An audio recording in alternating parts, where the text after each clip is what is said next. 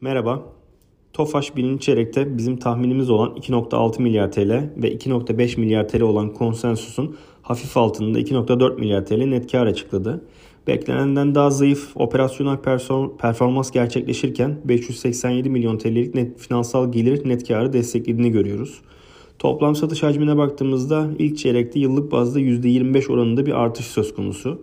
Güçlü yurt içi satış hacmi, fiyat artışları ve TL'deki değer kaybı satış gelirlerini yıllık bazda %76 artmasını sağlamış.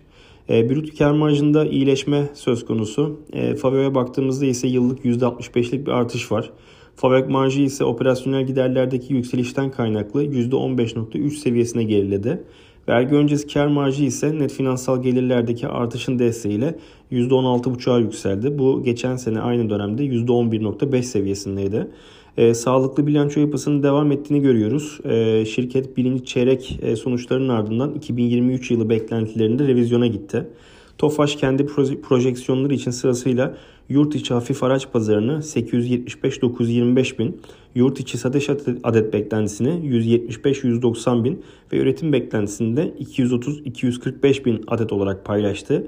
İhracat adet beklentisini 70-80 bin araç olarak sürdürürken yıl geneli için yapılması e, planlanan yatırım harcaması tutarında 100 milyon eurodan 125 milyon euroya revize etti.